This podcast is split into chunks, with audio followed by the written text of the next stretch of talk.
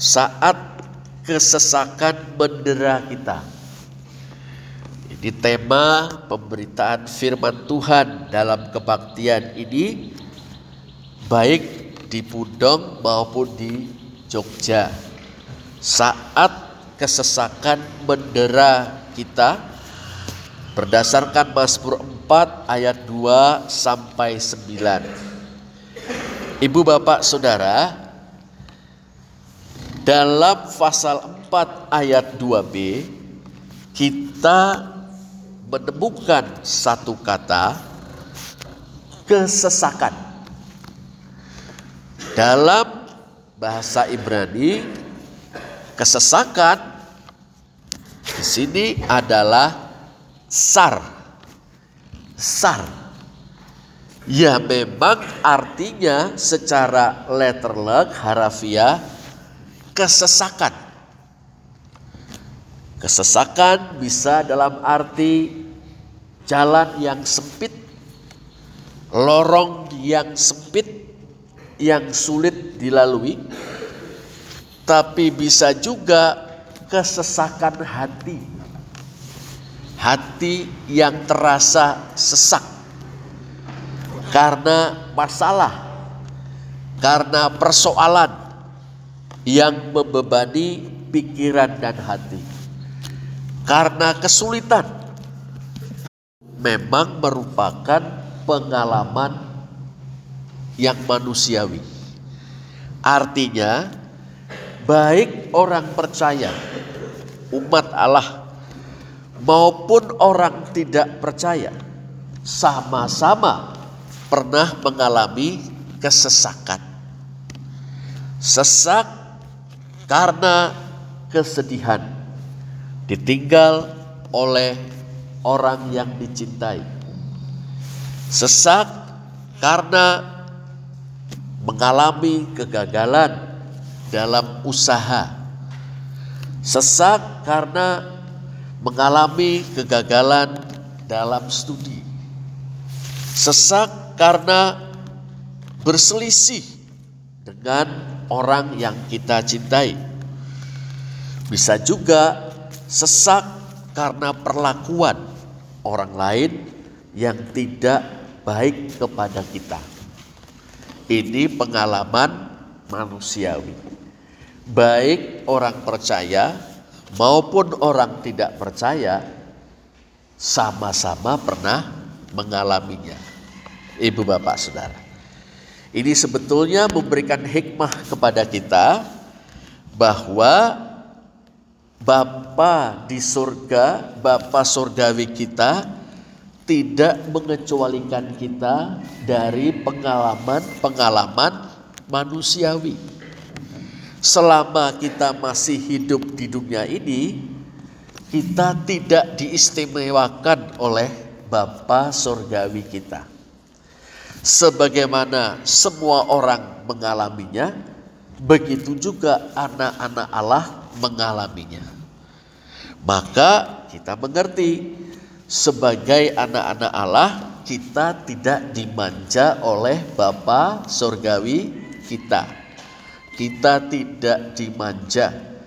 Sebaliknya kita didisiplin, dilatih, dibentuk supaya menjadi pribadi-pribadi yang berkarakter, yang kuat, yang tegar, sekaligus lembut hati supaya kita bisa menjadi berkat bagi orang lain, menjadi penolong bagi orang lain yang juga mengalami kesesakan. Ibu bapak saudara.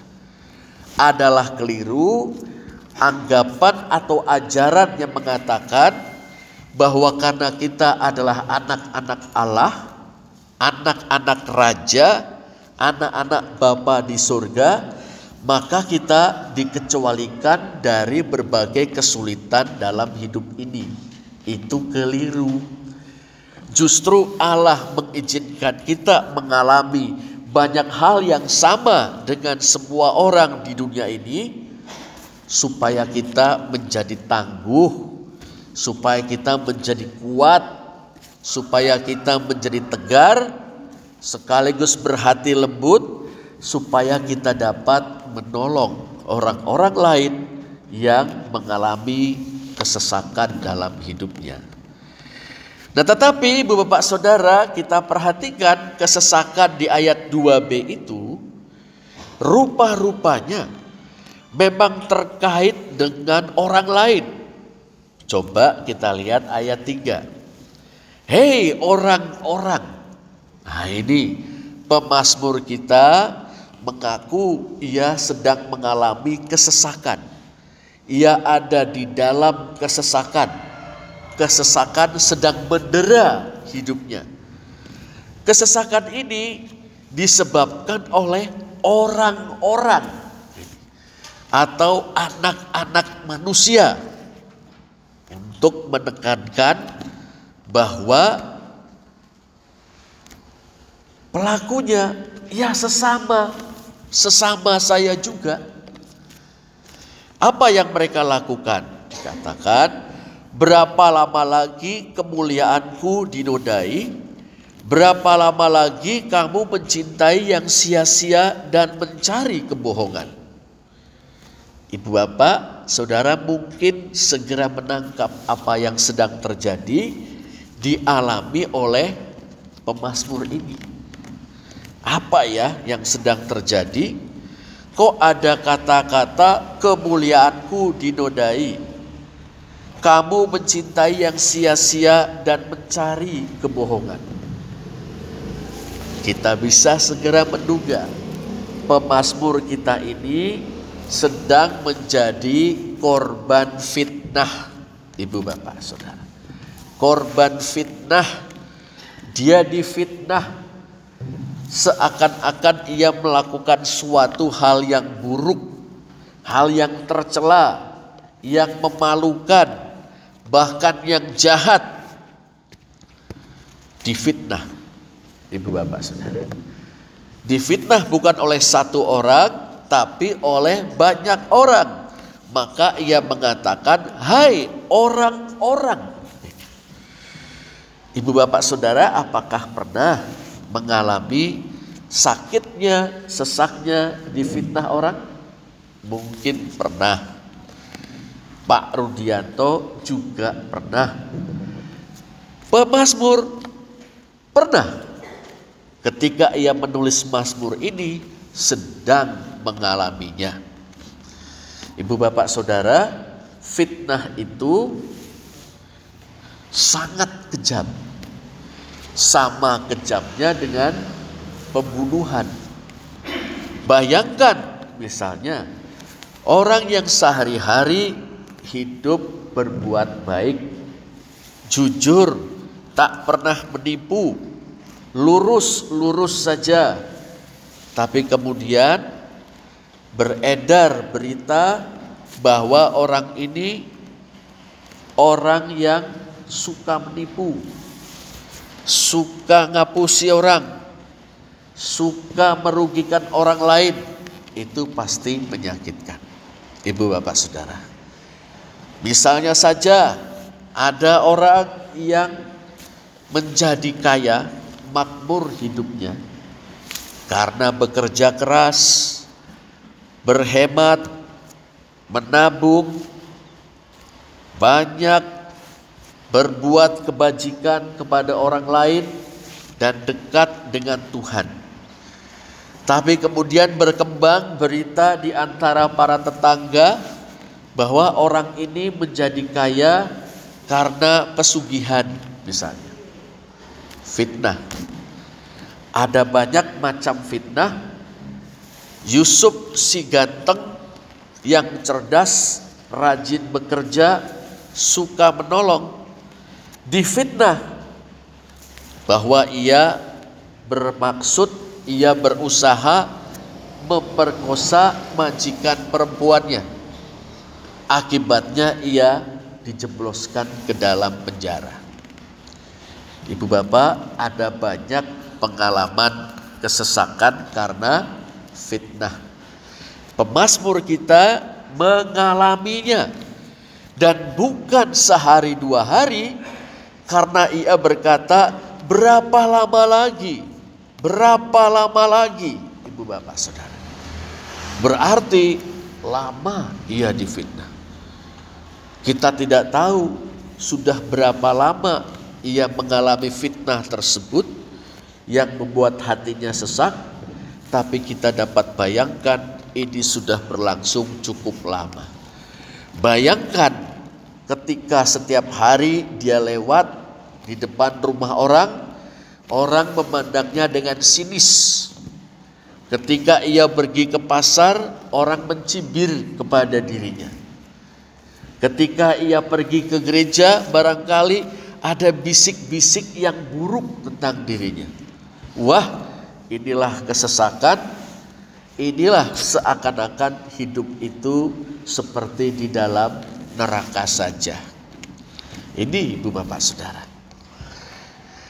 Tetapi mari kita lihat apa yang dilakukan oleh pemazmur. Pemazmur tidak merasa semua baik-baik saja. Dia merasakan sakitnya difitnah. Merasakan kesesakan yang luar biasa di hatinya. Nah, barangkali malah ia sampai tidak bisa tidur. Karena tiap malam berkecamuk dalam pikirannya suara-suara fitnah, tatapan mata sinis, cibiran bibir, orang-orang yang membencinya. Bisa kita lihat secara tersirat dalam ayat yang ke-8, ayat 9 Ibu Bapak Saudara. Dengan tentram aku membaringkan diri lalu segera tidur. Dengan tentram aku mau membaringkan diri lalu segera tidur. Ada kata mau di sana. Apa artinya? Maunya sih tidur dengan tentram, membaringkan diri dengan tenang. Tapi sangat sulit karena dalam pikiran ini berkecamuk terdengar suara-suara fitnah perlakuan-perlakuan yang sinis dari sesamanya. Dan kalau orang sampai sulit bahkan tidak bisa tidur, wah sangat menyiksa atau sangat tersiksa rasanya ibu bapak saudara. Tapi apa yang kemudian dilakukan oleh pemazmur? Ibu bapak mari kita lihat dalam ayat 2 ada suatu ungkapan yang luar biasa. Ia menyebut Allah. Allah yang membenarkan aku ia berseru kepada Allah. Ah, ibu bapak saudara. Kata berseru ini kara. Memanggil atau memanggil-manggil. Berseru-seru. Oh rupanya dia melihat masih ada satu sosok, satu pribadi yang menerima dia, dan yang tidak percaya akan fitnahan banyak orang terhadap dirinya, yaitu Allah. Allah yang dikenalnya, dikenalnya sebagai Allah yang membenarkan aku. Elohe Sidiki atau boleh diterjemahkan Allah kebenaranku. Allah yang membenarkan aku Begitu indah lembaga Alkitab Indonesia menerjemahkan atau Allah kebenaranku. Artinya apa Ibu Bapak Saudara Allah kebenaranku?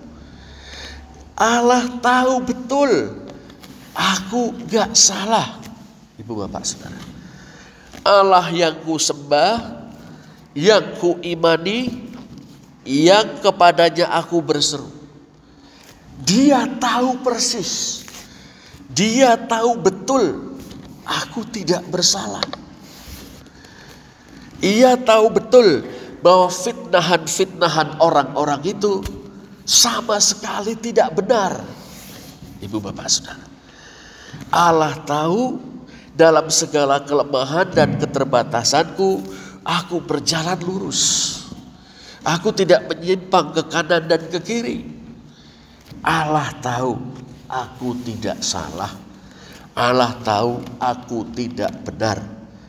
Dan aku sekarang berseru kepadanya. Wadul mengadu kepada Allah.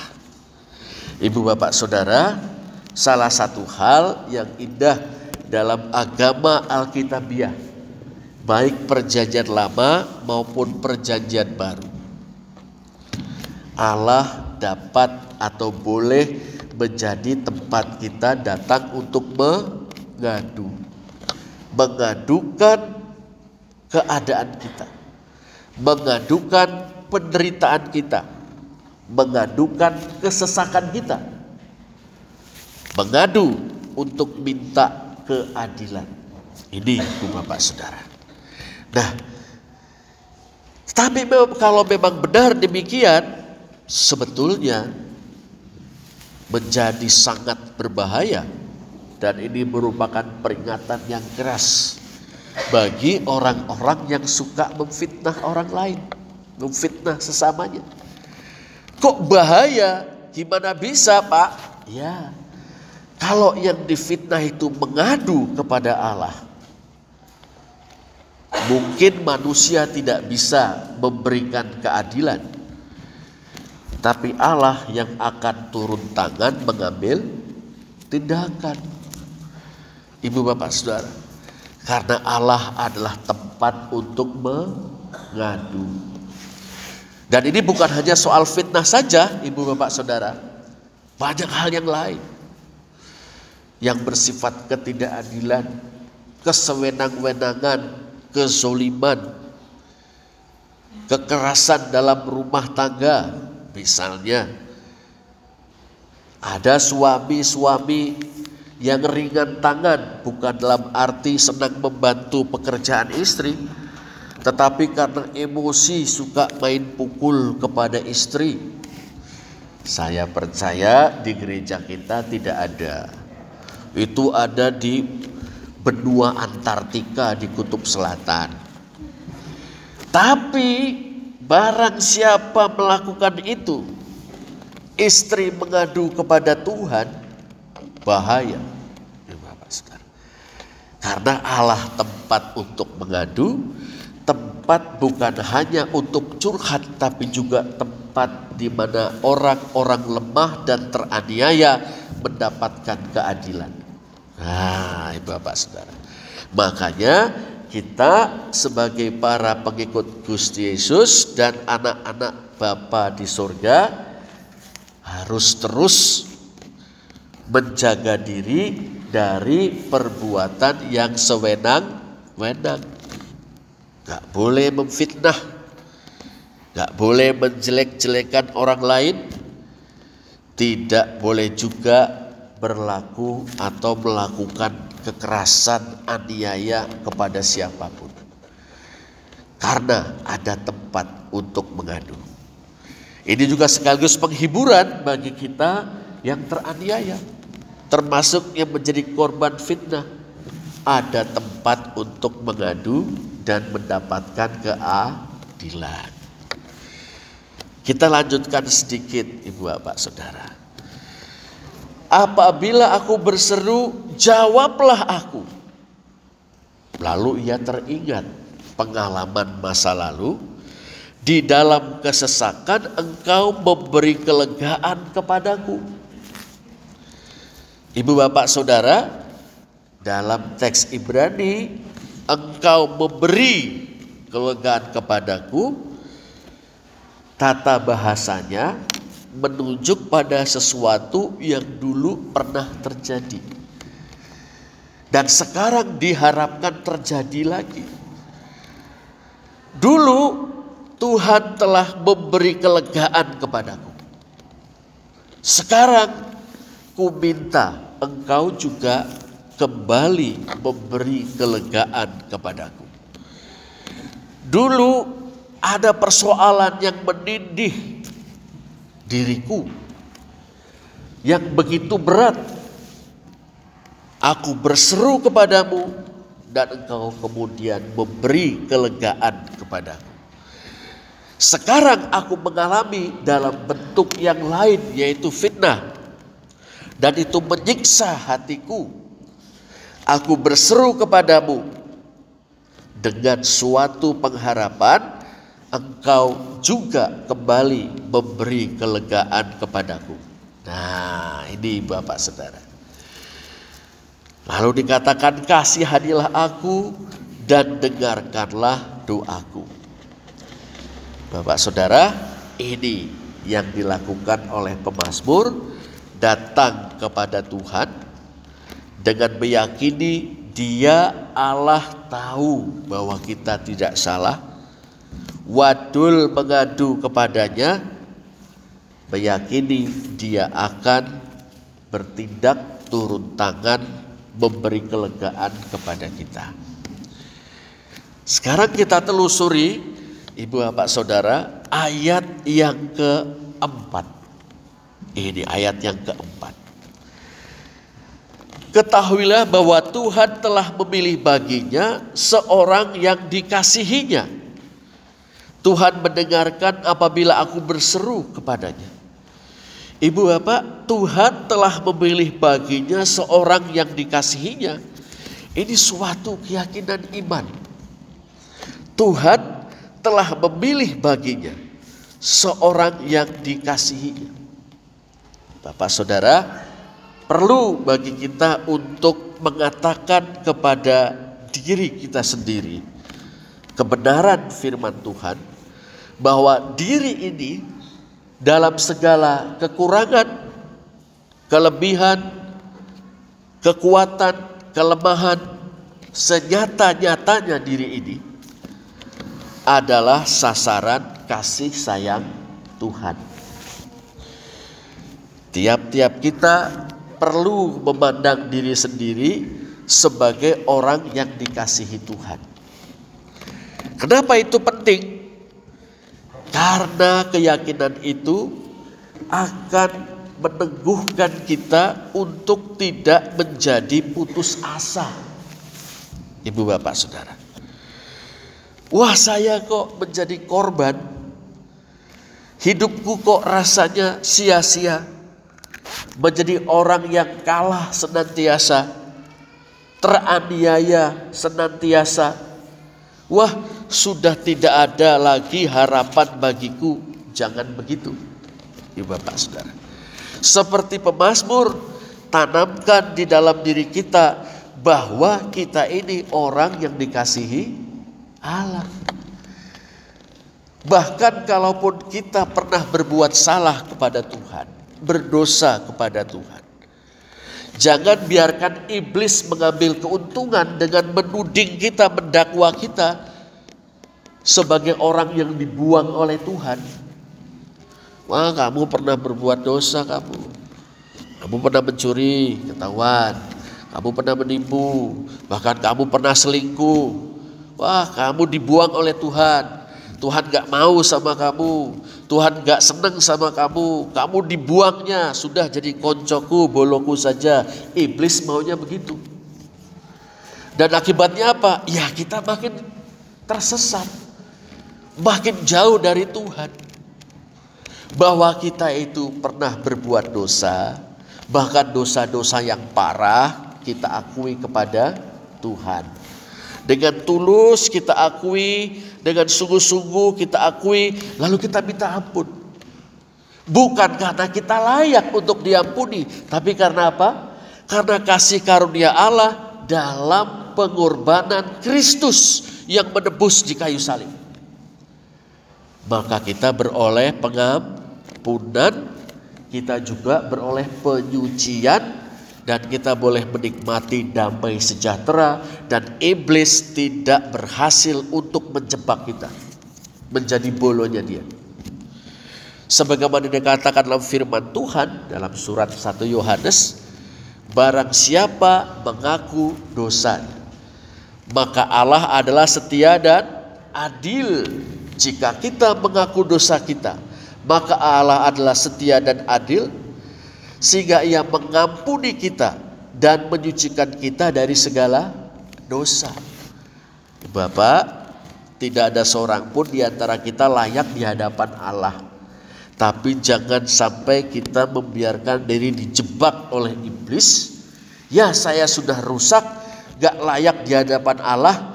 Sudah saya tidak mau datang kepada Allah. Eh malah kita jadi bolonya iblis. Tapi oke okay, saya berdosa. Kita berdosa datang kepada Allah. Akui dengan tulus dosa-dosa kita, minta pengampunan dalam nama Tuhan Yesus. Menurut anugerah Allah, di dalam korban Kristus saja, penebusan Kristus saja, kita mohonkan pengampunan dan penyucian atau pengudusan hidup. Maka Allah akan mengampuni, menguduskan kita, dan mengaruniakan damai sejahtera di hati kita. Pemazmur dalam kesesakannya berkata dalam dirinya, Aku ini orang yang dikasihi Allah. Itu yang kedua. Nah ini terungkap ibu bapak saudara di ayat yang kelima. Biarlah kamu marah, tapi jangan berbuat dosa. Berkata-kata dalam hatimu di tempat tidurmu, tetapi tetaplah diam. Godaan kita dalam kesesakan adalah mudah sekali terpancing emosi. Apalagi difitnah ibu bapak saudara. Kita nggak salah kok, kita benar kok. Sekarang kita difitnah. Kita dijauhi orang, dicibir, disinisi, pinginnya ngamuk, ibu bapak saudara. Marah. Loh tapi apa gunanya kemarahan kita? Dengan kemarahan itu kita malah berbuat dosa dan keadaan menjadi semakin parah. Tuh betul kan? Itu besar. Kita difitnah, mabuk, masalah menjadi makin runyam dan orang-orang yang memfitnah kita merasa mereka benar. Memang begitu orangnya. Orang yang bersalah itu ngamuk untuk menutup-nutupi kesalahannya, kan begitu. Bapak Saudara, pemazmur mengerti kebenaran ini Marah oke, okay, tapi jangan sampai berbuat dosa. Artinya kalau mau marah, tidak usah diekspresikan kepada mereka yang memfitnah kita. Wadul kepada Tuhan. Dan berkata-kata di dalam hati kita, di tempat tidur kita, yakinkan dalam diri kita, kamu dikasih Tuhan. Tuhan tahu kamu ini bagaimana. Tuhan tahu, Tuhan sudah memilihmu, Tuhan menyayangimu, Tuhan akan membebaskanmu, memberikanmu kelegaan. Nah ini Bapak Saudara, menarik kata-kata yang dipakai di tempat tidurmu. Artinya untuk mencurahkan isi hati kepada Tuhan atau untuk berkata-kata kepada diri sendiri bahkan bisa kita lakukan saat kita berbaring dan berharap bisa tidur. Ibu bapak saudara saya ingin mengakhiri ya mengakhiri dengan ayat yang ke tujuh ini. Banyak orang berkata siapa yang akan memperlihatkan yang baik kepada kita. Siapa yang akan memperlihatkan yang baik kepada kita ini ungkapan orang-orang yang sudah nyaris putus asa, ibu bapak saudara, karena kok rasa-rasanya makin sulit menemukan yang baik dalam hidup ini, bahkan makin sulit untuk berbuat baik. Tipu daya lebih gampang. Menemukan atau mendengar berita-berita korupsi hampir tiap hari Bahkan sekarang kita menjadi kaget ibu bapak saudara. Bahwa banyak orang yang katanya dalam atau tinggi ilmu agamanya. Loh kok malah mencabuli, memperkosa anak-anak di bawah umur yang dipercayakan kepada mereka. Dulu orang merasa aman ketika misalnya menitipkan anaknya kepada guru ngaji, kepada pendeta atau kepada romo. Dulu Mengapa? Karena guru ngaji, ustadz, maaf, kiai, pendeta, romo atau pastor, itu orang-orang suci. Orang-orang dekat dengan Tuhan. Kita titipkan sama mereka, kita percaya anak ini akan jadi baik dan makin baik. Tapi belakangan kita menjadi ngeri. Gereja Katolik sangat prihatin dan merasa malu karena terbongkarnya puluhan ribu kasus romo-romo yang mencabuli anak-anak di bawah umur. Dan kita patut merasa ikut bersedih karena gereja Katolik adalah bagian dari gereja Tuhan yang esa dan saudara-saudara Katolik adalah saudara-saudara seiman kita dalam Kristus. Ibu bapak saudara. Lalu kita juga menjadi heran dan prihatin kasus-kasus pencabulan, pemerkosaan dari orang-orang yang mengajarkan agama kepada anak-anak kecil. Dan ngeri juga, ada kasus-kasus juga pendeta-pendeta tertentu memperlakukan hal yang sama, melakukan hal yang sama. Waduh, dahsyat ini ngeri sekali. Siapa yang akan memperlihatkan yang baik kepada kita? Ibu bapak saudara. Pemasmur mendengar keluh kesah orang-orang baik yang berputus asa. Ia berdoa, biarlah cahaya wajahmu menyinari kami ya Tuhan. Biarlah cahaya wajahmu menyinari kami ya Tuhan. Cahaya wajahmu menyinari kami. Apa artinya? Apa sih artinya cahaya wajahmu menyinari kami? Tuhan berpihaklah kepada kami dan tunjukkanlah kepada dunia ini masih ada yang baik. Masih ada yang baik di dunia ini yaitu engkau yang mau menyatakan kebaikanmu melalui kami. Ibu bapak saudara, ini dia. Biarlah cahaya wajahmu menyadari kami artinya adalah Tuhan berpihaklah kepada kami. Orang-orang yang menjadi korban ketidakadilan ini. Dan tunjukkanlah kebaikanmu melalui kami. Ibu bapak saudara. Nah hal-hal semacam ini seruan kepada Tuhan, keyakinan tentang Allah yang mengenal kita apa adanya, keyakinan bahwa kita adalah orang yang dikasih Allah, lalu kita menahan diri untuk tidak melakukan yang jahat, pembalasan kepada orang-orang yang jahat kepada kita, lalu keyakinan bahwa Tuhan berpihak kepada kita dan akan menyatakan kebaikannya melalui kita ini memberikan rasa tentram kepada pemazmur ayat 9. Dengan tentram. Sebab hanya engkaulah ya Tuhan yang membiarkan aku diam dengan aman. Tadinya aku mau membaringkan diri dengan tentram lalu segera tidur tapi tidak bisa. Tapi setelah mengungkapkan kepada Allah ayat 2 ayat 3, ayat 4 dan seterusnya. Ia dapat dengan tentram membaringkan diri lalu segera tidur dengan keyakinan hanya engkaulah ya Tuhan yang membiarkan aku diam dengan aman. Cekak aos apa sih inti dari pemberitaan firman Tuhan ini? Ibu bapak saudara. Satu, anak-anak Allah, anak-anak Bapak Sorgawi tidak dikecualikan dari kesesakan, bahkan bisa menjadi korban fitnah. Yang kedua, ketika kita mengalami kesesakan termasuk fitnahan, jangan lupa kita punya Allah yang mengenal kita, yang menjadikan dirinya menjadi tempat mengadu. Adukanlah kepada Allah. Dan tetap lakukan yang baik. Tetap lakukan yang benar Tetap kerjakan yang berguna.